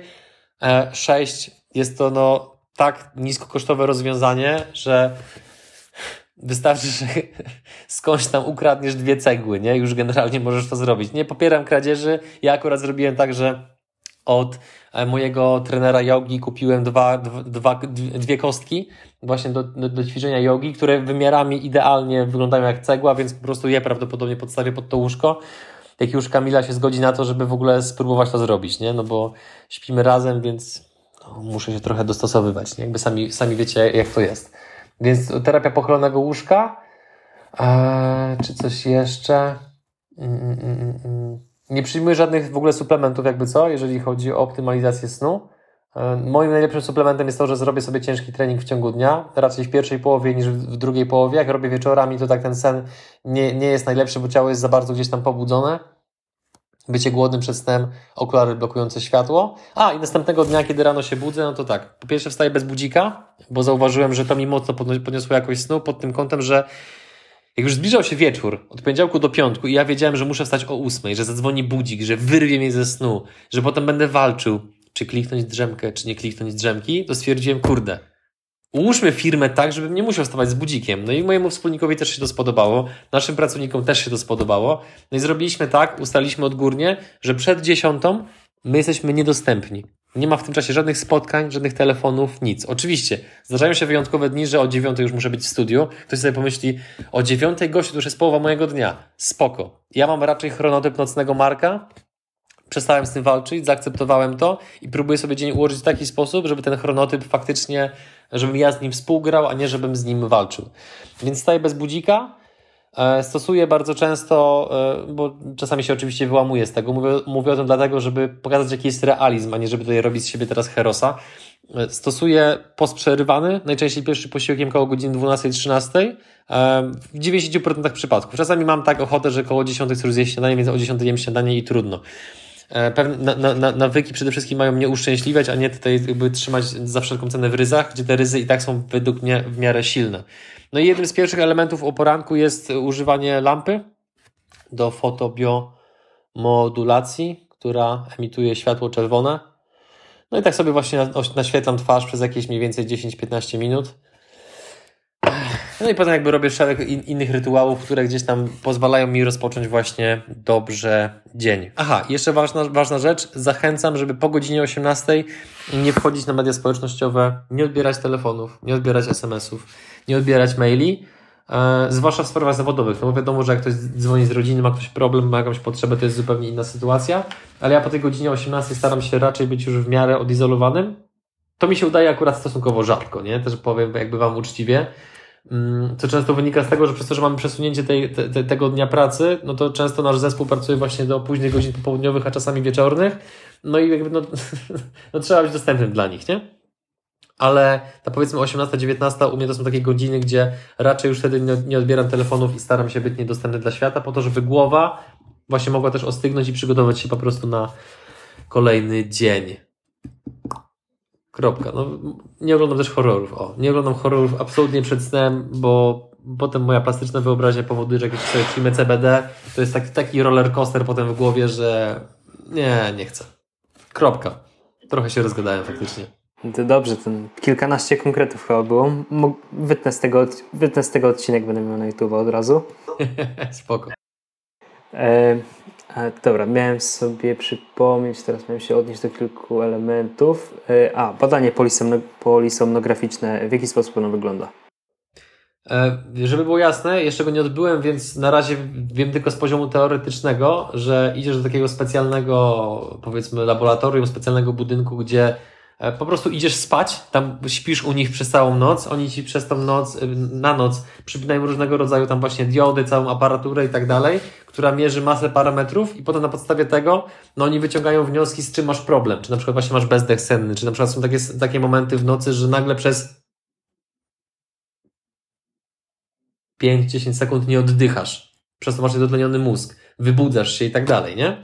Więc y, po prostu już słyszałem wiele dobrego od moich znajomych, którzy na takim badaniu właśnie byli. E, no i jakby samemu chcę to koniecznie sprawdzić, żeby mieć no, czarno na białym, jak ten mój sen wygląda pod kątem bardziej zaawansowanej aparatury niż zegarek za 900, nie? Mhm. A jak to kosztowo wygląda? Jesteś y, nam w stanie powiedzieć? E, właśnie a propos automatyzacji, delegowania i tak dalej, co mówiłem wcześniej, poprosiłem wczoraj bodajże moją asystentkę, żeby zrobiła mi analizę wszystkich ofert badań polisonograficznych na terenie Polski e, i jednocześnie z jej rekomendacją, którą opcję powinienem wybrać. Więc no, ktoś powie, o Boże, zrzuca wszystko na te biedne dziewczyny. E, po pierwsze, to jakby ja i tak pracuję dość, do, dość dużo, więc absolutnie się nie czuję z tym źle. Po drugie, z tego co wiem, to i Marlena i Julia lubią zadania, które my im dajemy, bo one są bardzo różnorodne, więc u nas absolutnie nie ma monotonii. Po trzecie, dzięki temu się same bardzo dużo uczą. Po czwarte, ee, tak po prostu mamy zorganizowaną firmę. Dlatego mogę spać po 7, 8, 9 godzin bardzo mi z tym dobrze i absolutnie tego nie chcę zmieniać. Mhm. A drugi punkt to było chodzenie, na, chodzenie spać na głodnego. Chodzi o samo uczucie jakby głodu, czy chodzi o to, aby już wszystko było przetrawione? Ja zauważyłem, że u mnie najbardziej spektakularne wyniki są w momencie, kiedy autentycznie czuję ssanie w żołądku. Że jest tak na zasadzie Adrian, zjedz coś, otwórz lodówkę, sprawdź co tam. Robiłeś to już 30 razy dzisiaj, ale może coś się zmieniło. To jest ten etap. Więc jeżeli y, przemogę się, wiadomo, jakby pod koniec dnia siła woli jest, jest już na, raczej na wyczerpaniu, więc jeżeli się przemogę i na przykład stwierdzę, dobra, biorę powiedzmy tam łyk wody, żeby to uczucie trochę zalać i je przygasić, no to potem właśnie wyniki są kosmiczne. E, natomiast y, jeżeli też jestem na, na, na, tym etapie, że już na przykład posiłek jest przetrawiony, no to też nie jest źle. Najgorzej, jak mam iść spać za dwie godziny i na przykład siadam do kolacji, nie? No to wtedy E, tak, jeżeli zjem same warzywa, nie ma problemu, to się przepali bardzo szybko, ale jeżeli do tego dochodzi jakieś właśnie jeszcze przypadkiem mięso, to w ogóle mięsa bardzo mocno unikam już, już, już późną porą, albo jakieś pieczywo czy coś, to no, potem jest taka klucha w żołądku, to się tak bardzo powoli trawi, więc no, no to z, z, tym bardzo ostrożnie. Nie? Najbardziej u mnie działają po prostu posiłki białkowo-tłuszczowe. No to, to, to jest naprawdę cudownie. Mhm. Jak już się tłumaczyłeś z tego, że zrzucasz odpowiedzialność na innych, pracę na innych, e, to czy takie, mówisz też, że przemycasz e, dla swojej dziewczyny, namawiasz się na okulary blokujące niebieskie światło, a jak to jest z Twoimi pracownikami? Czy ich też namawiasz do tego, aby się w jakiś sposób optymalizowali, żeby Twoja firma, Twoja egoistycznie e, lepiej funkcjonowała? Tutaj akurat jestem bardzo ostrożny i ja wychodzę z takiego założenia, że każdy z nas był na imprezie, nie? Gdzie jest stół zawalony jedzeniem. Są różnego rodzaju napoje. Bardziej zdrowe, mniej zdrowe. Posiłki wysokokaloryczne, mniej kaloryczne. I nagle siada jakiś typ, nie? I mówi ci, a wiesz, że krowy cierpią, kiedy ty zjadasz ten kawałek mięsa? A wiesz, że to jest niezdrowe? A wiesz, że od tego będzie cukrzyca? Ja nie chcę być tym gościem, nie? Jakby ja się naprawdę nie przyczepiam do tego, co kto robi ze swoim życiem, czy pali papierosy, czy nie pali, czy ćwiczy, czy nie ćwiczy. Uważam, że to jest indywidualna sprawa każdego, bo prędzej czy później i tak twój organizm ci wystawi za to rachunek. Więc my akurat, jeżeli chodzi o naszych pracowników, jesteśmy tak dogadani, że każdy z nich ma pewien obszar obowiązków. Jeżeli te obowiązki są wykonywane, to znowu mi nic do tego, jak one to robią, bo my dajemy bardzo dużą swobodę, jeżeli chodzi właśnie o, o, o sposób działania. E, natomiast jeżeli obowiązki są zawalane, no to wtedy oczywiście, że dopytujemy o co chodzi i tak dalej. Uruchamiamy powiedzmy takie wewnętrzne śledztwo, żeby w ogóle się zorientować w temacie. No bo mieliśmy takiego właśnie jednego na przykład gościa, który praca zdalna, nie, nie, kontrolujemy go, kiedy pracuje, kiedy nie pracuje, zarabia dobre pieniądze, a mimo to no, praktycznie cały czas zawalał. No i tam akurat to nie była kwestia tego, że nie umiał optymalizować swojego tam zdrowia i tak dalej, tylko po prostu no, praca dla nas była dla niego tak niskim priorytetem, no, że, że zwyczajnie mówiąc wprost i po ludzku miał to w dupie. No więc po prostu się pożegnaliśmy, arrivederci yy, i tyle. Więc ja na naszym pracownikom niczego nie narzucam. Kiedy e, dziewczyny, czy Tomek, czy ktokolwiek inny przyjdą, żeby sami o tym pogadać, żeby, że sami zapytają, że sami drążą pewne rzeczy, wtedy jakby jestem jak otwarta księga i z przyjemnością dzielę się wszystkimi informacjami, które mam w głowie, ale nie narzucam im tego. Po prostu uważam, że to, że, że, że, że to nie jest moja sprawa. Naszym obowiązkiem jako pracodawców jest to, żeby im zapewnić dobre warunki pracy, żeby była, żeby był dostęp do wody w firmie, żeby była powiedzmy, żeby była e, cyrkulacja powietrza, typu właśnie tam wentylacja czy klimatyzacja, żeby była dobra kawa, dobrej jakości przekąski, typu jakaś powiedzmy żurawina, orzechy, owoce, tego typu rzeczy, to takie, takich rzeczy pilnujemy. Natomiast to, co oni robią w swoim wolnym czasie, to mi nic do tego. Mhm. Czyli podchodzicie do tego tak bardzo e, liberalnie, że tak powiem. Czyli dajecie po prostu dużą dowolność i przez to, wydaje mi się, że przez to, że nic nie narzucacie, to właśnie dajecie to, żeby każdy mógł wszystko pod siebie zoptymalizować. Jak ktoś chce dbać bardziej, to będzie dbał bardziej, jak ktoś będzie chciał dbać mniej, to będzie dbał mniej. No i też na przykład jak macie y, swoje rozmowy wewnątrz firmy, no to przez to samo, że ty optymalizujesz siebie i wiesz mniej więcej przez ile możesz pracować optymalnie, to też jakoś to też się u innych odzwierciedla tak y, podświadomie. My tego jeszcze nie mamy jakoś turbo mocno, mówiąc takim prostym słowem, skodyfikowanego, a jeżeli chodzi o kulturę naszej organizacji, przy, taki, przy takim rozmiarze firmy, to słowo zabawnie brzmi. Nie mamy tego jeszcze jakby bardzo mocno opisanego, natomiast ja zauważyłem coś takiego, że u nas w teamie poradzą sobie tylko ludzie, którzy są w dużym stopniu samodzielni, zorganizowani, kreatywni i tacy mają takie poczucie odpowiedzialności za samych siebie bo u nas naprawdę poziom kontroli jest marginalny i to nawet tej kontroli praktycznie nie ma. To jest u nas y, kontrola w firmie polega mniej więcej na tym, że co tydzień mamy kola i podczas tego kola omawiamy najważniejsze kwestie. Co, co, co działa, co nie działa, gdzie trzeba pomóc i tak dalej, i tak dalej. I też bardzo często na przykład właśnie jak zwalnialiśmy tego pracownika, o którym mówiłem, to nie my podjęliśmy decyzję sami.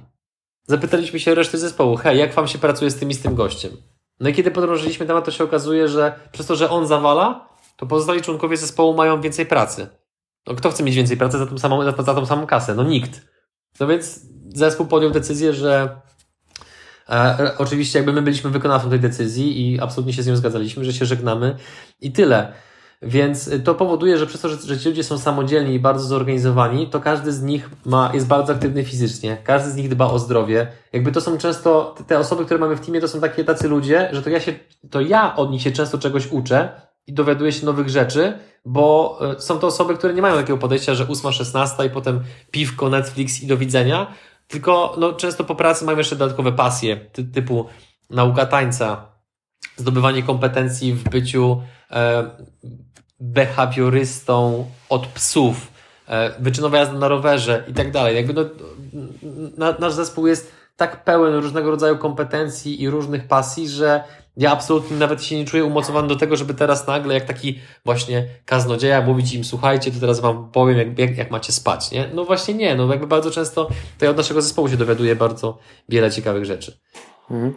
E, to bardzo ciekawe i bardzo proste podejście na takie rozwiązanie problemu, e, które problemu, o którym rozmawialiśmy w dwóch ostatnich podcastach z Kamilem Lonkiem i Bogoszem Pekalskim, że mm, mamy te ośmiogodzinne e, dni pracy, 5 dni w tygodniu i zmusza się tych pracowników do pracy przez praktycznie 8 godzin, jakąś 20-minutową przerwą. I to jest oczywiście fatalnie pod względem jakiejś optymalizacji pracy, a taki model na przykład pracy asynchronicznej oczywiście nie wszędzie można ją wdrożyć, ale to rozwiązuje, wydaje mi się, ten problem w takim stopniu, że jest to nie dość, że optymalny dla pracodawcy, bo przez to, że ktoś może mm, pracować w optymalnych dla siebie godzinach, to jeszcze pracownicy są bardziej szczęśliwi przez to, że, e, że też mogą pracować wtedy, kiedy chcą i kiedy pracują jak najbardziej optymalnie. Czyli taka najprostsze rozwiązanie, które daje ogromne rezultaty. E, tak. U nas na obecnym etapie, w obecnych okolicznościach to działa. Czy tak będzie później? Nie mam pojęcia. Zobaczymy. Biznes to jest ciągłe eksperymentowanie. Mhm. Okej. Okay. Co by tu można jeszcze poruszyć? Okej, okay, to rozmawialiśmy o tym.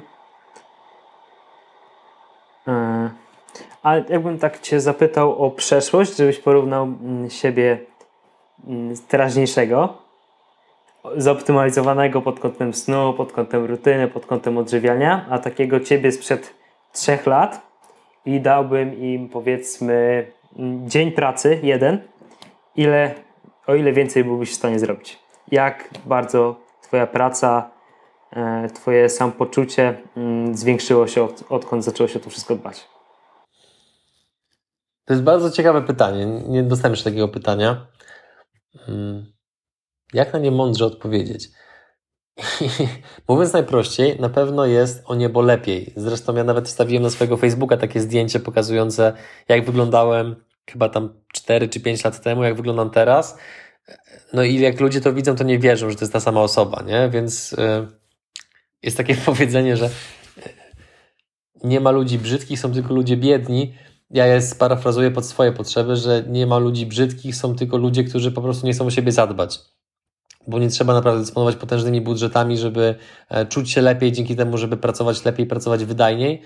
Więc myślę, że obecna wersja mnie, która jest nadal w budowie, tak, jakby to się prawdopodobnie nigdy nie skończy, bo ja cały czas widzę masę obszarów do poprawy, tak jak właśnie dzisiaj z Mateuszem chwilę na Instagramie tam pisaliśmy, no to e, już on mi wrzucił kolejny temat warty eksploracji, e, ponieważ on się teraz bardzo mocno zagłębia w tematykę takiego świadomego śnienia, nie wiem czy to dobrze odmieniam, e, więc jakby, no, jakby kto wie, no zakładam, że najlepsze narzędzia biohackingowe są wciąż przede mną do odkrycia, więc no, z wiekiem, jeżeli człowiek stopniowo pogłębia swoją wiedzę, chętnie y, zgłasza się poradę do ludzi bardziej doświadczonych i bardziej świadomych pewnych spraw, no to musisz rosnąć, jeżeli chodzi o, o, o Twoje kompetencje. Najgor, najgorsza postawa, wydaje mi się, jaką można przyjąć, która jest najbardziej szkodliwa dla samego, y, dla samego właściciela tej postawy, no to jest taka, ja już wszystko wiem, ja już mam swoje lata, y, starych drzew się nie przesadza, i tym podobne właśnie stwierdzenia, no, co powoduje, że masz twoja głowa zamiast być szeroko otwarta jak spadachron, to się nagle po prostu staje wilczym szańcem, który no, zamykasz kurczę żelaznymi drzwiami i nic nowego tam nie dociera, co powoduje, że najwięcej na tym tracisz ty. Więc czy powiem tak, nie? Mało młodych ludzi będzie, moim zdaniem, optymalizowało się pod tymi kątami, o których dzisiaj rozmawialiśmy, z tego powodu, że po prostu młodszy organizm jest dużo bardziej silny. Szybciej się regeneruje, możesz krócej spać, więcej wytrzymujesz, więc nie ma za bardzo potrzeby, żeby pewne rzeczy podrasowywać. Im jesteś starszy, do tego jak jesteś przedsiębiorcą i funkcjonujesz w bardzo konkurencyjnym środowisku, to te okoliczności niejako zmuszają cię do tego, że musisz pewne rzeczy po prostu jakby optymalizować, no bo inaczej nie wytrzymasz tempa stada, w którym biegniesz. No, tak to wygląda. Więc odpowiedząc na Twoje pytanie, procentowo jest mi to ciężko określić, ale myślę, że jestem dwa, trzy razy bardziej wydajny niż byłem wcześniej. Z powodu po pierwsze część, częściowo rytuałów i nawyków, a po drugie też z powodu pewnego doświadczenia, wiedzy i kontaktów, które się zdobywa, które no potem powodują, że możesz samemu na przykład szukać informacji w internecie, jakie zrobić badania krwi, a jeżeli znasz odpowiednią osobę i wyślesz jej wiadomość, to ona ci może odpisać w ciągu 5 minut. Zrób to, to, to, to, to, to i to, a potem wróć do mnie. Więc no jakby to bardzo mocno skraca czas i przyspiesza wiele procesów. Wiesz co, wydaje mi się, że to co powiedziałeś, że młodsze organizmy nawet mogą mniej spać i szybciej się regenerować, mniejszą zwracać na to uwagę, to w dzisiejszych czasach jest to dużo mniej prawdziwe przez to, jaki mamy styl życia i też sam po sobie widzę na przykład, jak zainteresowałem się biohackingiem przez to właśnie, że miałem bardzo mało energii w ciągu dnia, te samopoczucie nie, nie było idealne, no a wiesz, y, mam 19 lat i, i starałem się zawsze dbać o siebie, dużo sportu uprawiałem, a jednak coś, coś było nie tak. Też na przykład dużo się słyszy teraz o problemach z testosteronem u nawet młodych ludzi, nie po 50, tak jak mówiłeś o TRT, tylko osoby w wieku około 20 lat już mają takie problemy przez to, w jakim środowisku żyjemy. Już nawet jak ktoś, tak mówię, dba o siebie, to też są z tym duże problemy, więc wydaje mi się, że taka optymalizacja siebie będzie już u nawet młodych ludzi bardzo potrzebna, niestety, niestety.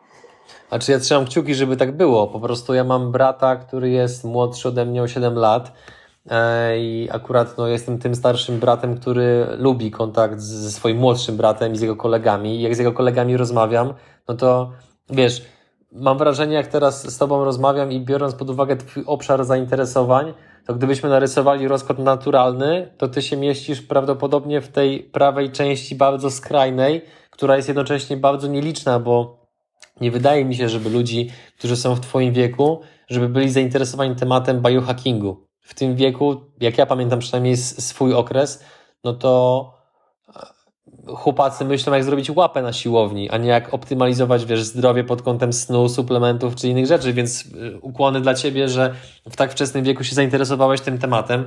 mam nadzieję, że więcej osób, e, Twoich rówieśników pójdzie, pójdzie, pójdzie tą drogą, no bo dzięki temu zamiast tracić zdrowie i czas na różnego rodzaju e, imprezach, których potem nie będą pamiętali, być może zrobią coś bardziej pożytecznego ze swoim życiem. Aczkolwiek imprezy też są potrzebne. I ja łączę te dwie rzeczy i jestem bardzo szczęśliwy, tak powiem. Super, super. E, a jeżeli chodzisz na imprezę, to masz więcej czasu na spędzanie czasu z rodziną i spędzanie czasu z psem. I zapisałem sobie takie pytanie, jak posiadanie psa wpływa na Twoje zdrowie psychiczne, dlatego że tak jak często wspomniesz o biohackingu, tak jakoś tam między słowami, w relacjach, to też bardzo często wspominasz o swoim psie.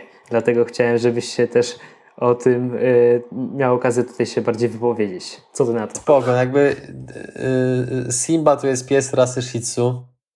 To jest pierwszy pies, jakiego mam w życiu, ponieważ tak się akurat złożyło, że mojego tatę dawno temu w młodości pies pogryzł, więc miał traumę na tyle silną, że w naszym rodzinnym domu nie było w ogóle możliwości, żeby taki właśnie pies się pojawił. E, no i potem totalnym zbiegiem okoliczności na weekend e, ko koleżanka, która gdzieś wyjeżdżała, poprosiła nas, czy możemy się zaopiekować jej psem. Gdzie, gdzie ja nie miałem w tym żadnego doświadczenia, Kamila już jakieś miała, bo miała kiedyś psa, więc stwierdziliśmy, dobra. No i to był właśnie pies rasy Shih Tzu. Plus, jak ja byłem jeszcze tam powiedzmy chłopakiem, który miał 10 lat, to moja bliska koleżanka Marta również miała psa rasy Shih Tzu, więc ten Shih Tzu on się przewijał trochę tam powiedzmy przez, przez, przez moje życie. No i kiedy właśnie teraz, to było z półtora roku temu, kiedy mieliśmy tego pieska na przechowanie, no to on był z nami od piątku do niedzieli, i to spowodowało, kurczę, no tyle różnych przyjemnych sytuacji, że ja mówię, nie, no dobra, musimy, musimy mieć swojego psa. No i potem właśnie bardzo długo tego psa szukaliśmy, żeby z dobrej hodowli go kupić. I kupiliśmy go ostatecznie z hodowli, zrobię reklamę, White Angels pod Poznaniem. Genialna hodowla, fantastyczna właścicielka, która ma bzika na punkcie psów i tak kolosalną wiedzę, że to się w głowie nie mieści. Jak Simba wpłynął na moje funkcjonowanie? No, uważam, że jeżeli chodzi o zeszły rok, to była jedna z najlepszych decyzji, jakie podjąłem, bo dzięki Simbie chodzę na 3 do 5 spacerów dziennie, co jest dodatkową porcją ruchu dla mnie i to jest super opcja.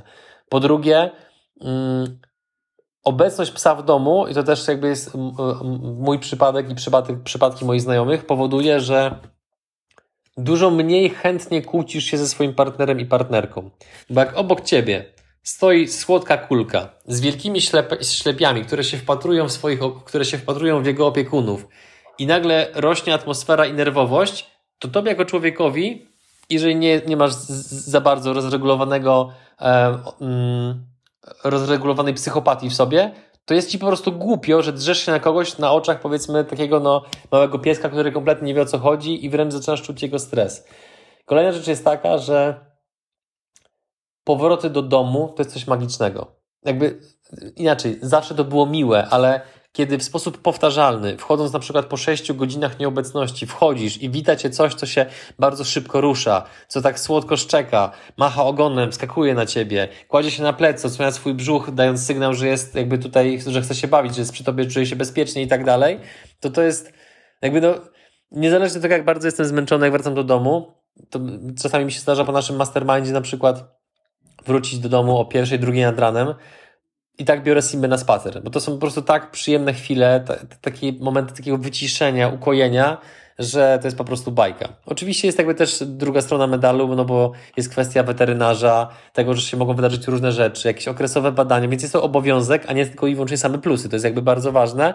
Natomiast plusów w mojej ocenie jest tak dużo, że one absolutnie wielokrotnie przykrywają różnego rodzaju E, obowiązki, które wynikają z tego, że tego psa masz. I też taki właśnie mój, e, mój kolega, osoba, którą bardzo podziwiam, dość znana w internecie, jeżeli chodzi o biznes, Lech Kaniuk. On sam mówi, że w sposób świadomy absolutnie bierze swojego psa imieniem Stefan do biura, ponieważ trafił kiedyś na jakieś badania pokazujące, że jeżeli pies jest w biurze, to ludzie są wobec siebie bardziej życzliwi, bardziej uprzejmi, kłótnie się praktycznie nie odbywają, bo właśnie ludzie mają taki opór, że nie chcą stresować tego psiaka, który jest razem z nimi w jednym pomieszczeniu, więc ja polecam, naprawdę polecam, bo zmieniło to się bardzo na plus w naszym życiu i, i w ogóle ten pies, ten, ten pies, no, leży tutaj pod stołem, e, Simba pozwolił mi odkryć w sobie pewne emocje, które nie sądziłem, że mam. Więc no, zakładam, że to jest taki prawdopodobnie a, a ktoś teraz mówi, zobaczysz jak będziesz miał dzieci. Spoko, słyszałem to już 100 razy, więc nie jesteś pierwszy. E, mam absolutnie świadomość tego, że piesek jest tylko i wyłącznie wstępniakiem do, do odkrywania właśnie tych takich nowych pokładów emocji. No i na to czekam. Być może już niedługo, zobaczymy. Mhm. Mam nadzieję, że pies nie jest odpowiedzią na pytanie, jedno z klasycznych moich pytań dla tego podcastu, czyli biohack, który mało kto używa, a ty jednak tak i bardzo sobie go chwalisz. Czy masz coś takiego? Nie, to myślę, że, że, że pies nie, bo yy, uważam chyba, że jednym z najrzadziej stosowanych biohacków, jak rozmawiam z różnymi ludźmi, jest to, żeby iść spać na głodnego, bo to wymaga naprawdę sporej siły woli, zwłaszcza pod koniec dnia, że zamiast sobie usiąść i zjeść pyszną kolację, to ty stwierdzasz, e, mi wystarcza, wystarczy szklanka wody z cytryną. No, mi to bardzo ciężko przychodzi. Jednocześnie wiem, że innym ludziom też, ale efekty, które to daje, to jest po prostu jakiś kosmos. Dlatego ja na przykład robię tak, że jeżeli wiem, że następnego dnia rano mam coś bardzo, bardzo ważnego, co będzie wymagało 100% możliwości kognitywnych mojej głowy, to wtedy jakby podejmuję decyzję, że dobra, kolacja o godzinie 18, jakaś bardzo, bardzo lekka i dopiero, i, i po prostu idę spać na głodnego. To wtedy to, to, to, jest, tak, to jest taki biohack, który uważam, że stosuje stosunkowo mało osób. No. Mhm. Ja w sumie pierwszy raz słyszałem o, od Ciebie właśnie yy, o tym, bo tak dużo się mówi yy, i słusznie o tym, żeby nie iść spać bezpośrednio po posiłku, albo nawet tam dwie godziny, ale po ciężkim posiłku, ale o spaniu na głodnego kompletnie nie słyszałem. Spróbuj dzisiaj, jutro mi puść maila, jak Ci poszło. Mm, Okej, okay, tylko nie wiem, czy to nie chodzi o samo uczucie głodu, bo ja, raczej nawet jak, jakbym zjadł o 12, jak zjem o 12 e, jeden posiłek, to później nie jestem wieczorem zbytnio głodny, więc zobaczymy. Okej, okay. dam Ci znać. E, Okej, okay. i mam jeszcze drugie pytanie klasyczne dla tego podcastu, czyli polecane źródła edukacji w dziedzinie biohackingu. E, kurde, muszę Mateuszowi powiedzieć, żeby mi zapłacił za to, że tyle razy o nim mówiłem dzisiaj, ale no na ten moment jedynym źródłem, z którego ja korzystam w sposób regularny jest blog y, biohacker.pl. To wynika pewnie z tego, że z Mateuszem znam się prywatnie, wiem jaka jest jego motywacja, że ten blog w ogóle powstał. Ta motywacja jest bardzo silna, bardzo ideowa. Tam jest akurat aspekt rodzinny, którego nie chcę rozwijać, bo być może by sobie tego nie życzył, ale e, to powoduje, że jak rozmawialiśmy na żywo niejednokrotnie, bo głównie poznaliśmy się przez internet, ale kiedy już porozmawialiśmy na żywo kilkukrotnie, to ten człowiek ma w sobie tak ogromny, taki mówiąc po polsku, drive do zdobywania właśnie wiedzy biohackingowej, do dzielenia się takimi dobrymi rzeczami i tak dalej, że e, no ja mu ufam na bardzo, bardzo, bardzo wysokim poziomie. Kupiłem praktycznie chyba wszystko, co on oferuje, co, co, co, co było mi przydatne na obecnym etapie życia, na, na jakim jestem. Więc innych książek za bardzo, czy, czy blogów, czy podcastów nie polecę, bo po prostu jakby ich nie przyswajam z tego powodu, że Mateusz zapewnia mi tak duże spektrum informacji, że ja się czuję w 100% nasycony po prostu. Więc tylko, mogę tylko polecić biohacker.pl. E, polecam. Na kod przygody, jak dobrze pamiętam, macie chyba 10% rabatu w jego, w jego sklepie, więc jeżeli będziecie coś, będziecie coś kupować, no to zachęcam do wykorzystania tego kodu właśnie. Mhm. Ja sam swoją przygodę właśnie za, zacząłem od tego bloga i pamiętam, że się mega wkręciłem, e, przeczytałem wszystkie artykuły. Także, także się zgadzam. No nic, Adrian, to chyba mamy półtorej godziny za sobą. Szybko minęło. To znaczy, że dobrze. Chyba tak. Ciekawe, czy, ciekawe, czy ktoś dotrwał do tego momentu. Jeżeli tak, to dajcie znać w komentarzu. Nie wiem, gdzie to będzie publikowane, ale jeżeli dotrwaliście do tego momentu, to bardzo Wam dziękuję za wysłuchanie. Mam nadzieję, że chociaż jedną czy dwie rzeczy przydatne wyciągnięcie dla siebie z tego, co tutaj dzisiaj było omawiane. A Tobie, e, Kuba, bardzo dziękuję za zaproszenie, co już mówiłem na samym początku. Jest mi bardzo miło, że mogłem się gdzieś tam podzielić e, swoim obecnym doświadczeniem. Kto wie, może za rok, dwa, jak wrócę do tego filmu, no to moja wiedza będzie na zupełnie innym poziomie i stwierdzę, kurde, tutaj głupoty gadałem. E, aczkolwiek nie wydaje mi się, żeby tak było. To są raczej rzeczy już takie bardzo mocno przetestowane, wyfiltrowane i sprawdzone. Natomiast zakładam, że jeżeli za dwa lata ktoś mi zada, zada pytanie, Adrian, jak oceniasz swoją obecną wydajność tego gościa sprzed dwóch lat, no to też powiem, że dwa, trzy razy większa. Zobaczymy. No to zadam Ci te pytanie za dwa lata, mam nadzieję. Spoko, jesteśmy umówieni. Okej, okay, zapisuję. Także no jeszcze raz dzięki wielkie Tobie i dzięki wielkie wszystkim słuchającym i oglądającym za skonsumowanie, chociaż wiem, że nie lubisz tego słowa, e, tego materiału. Wielkie dzięki. Trzymajcie się. Cześć.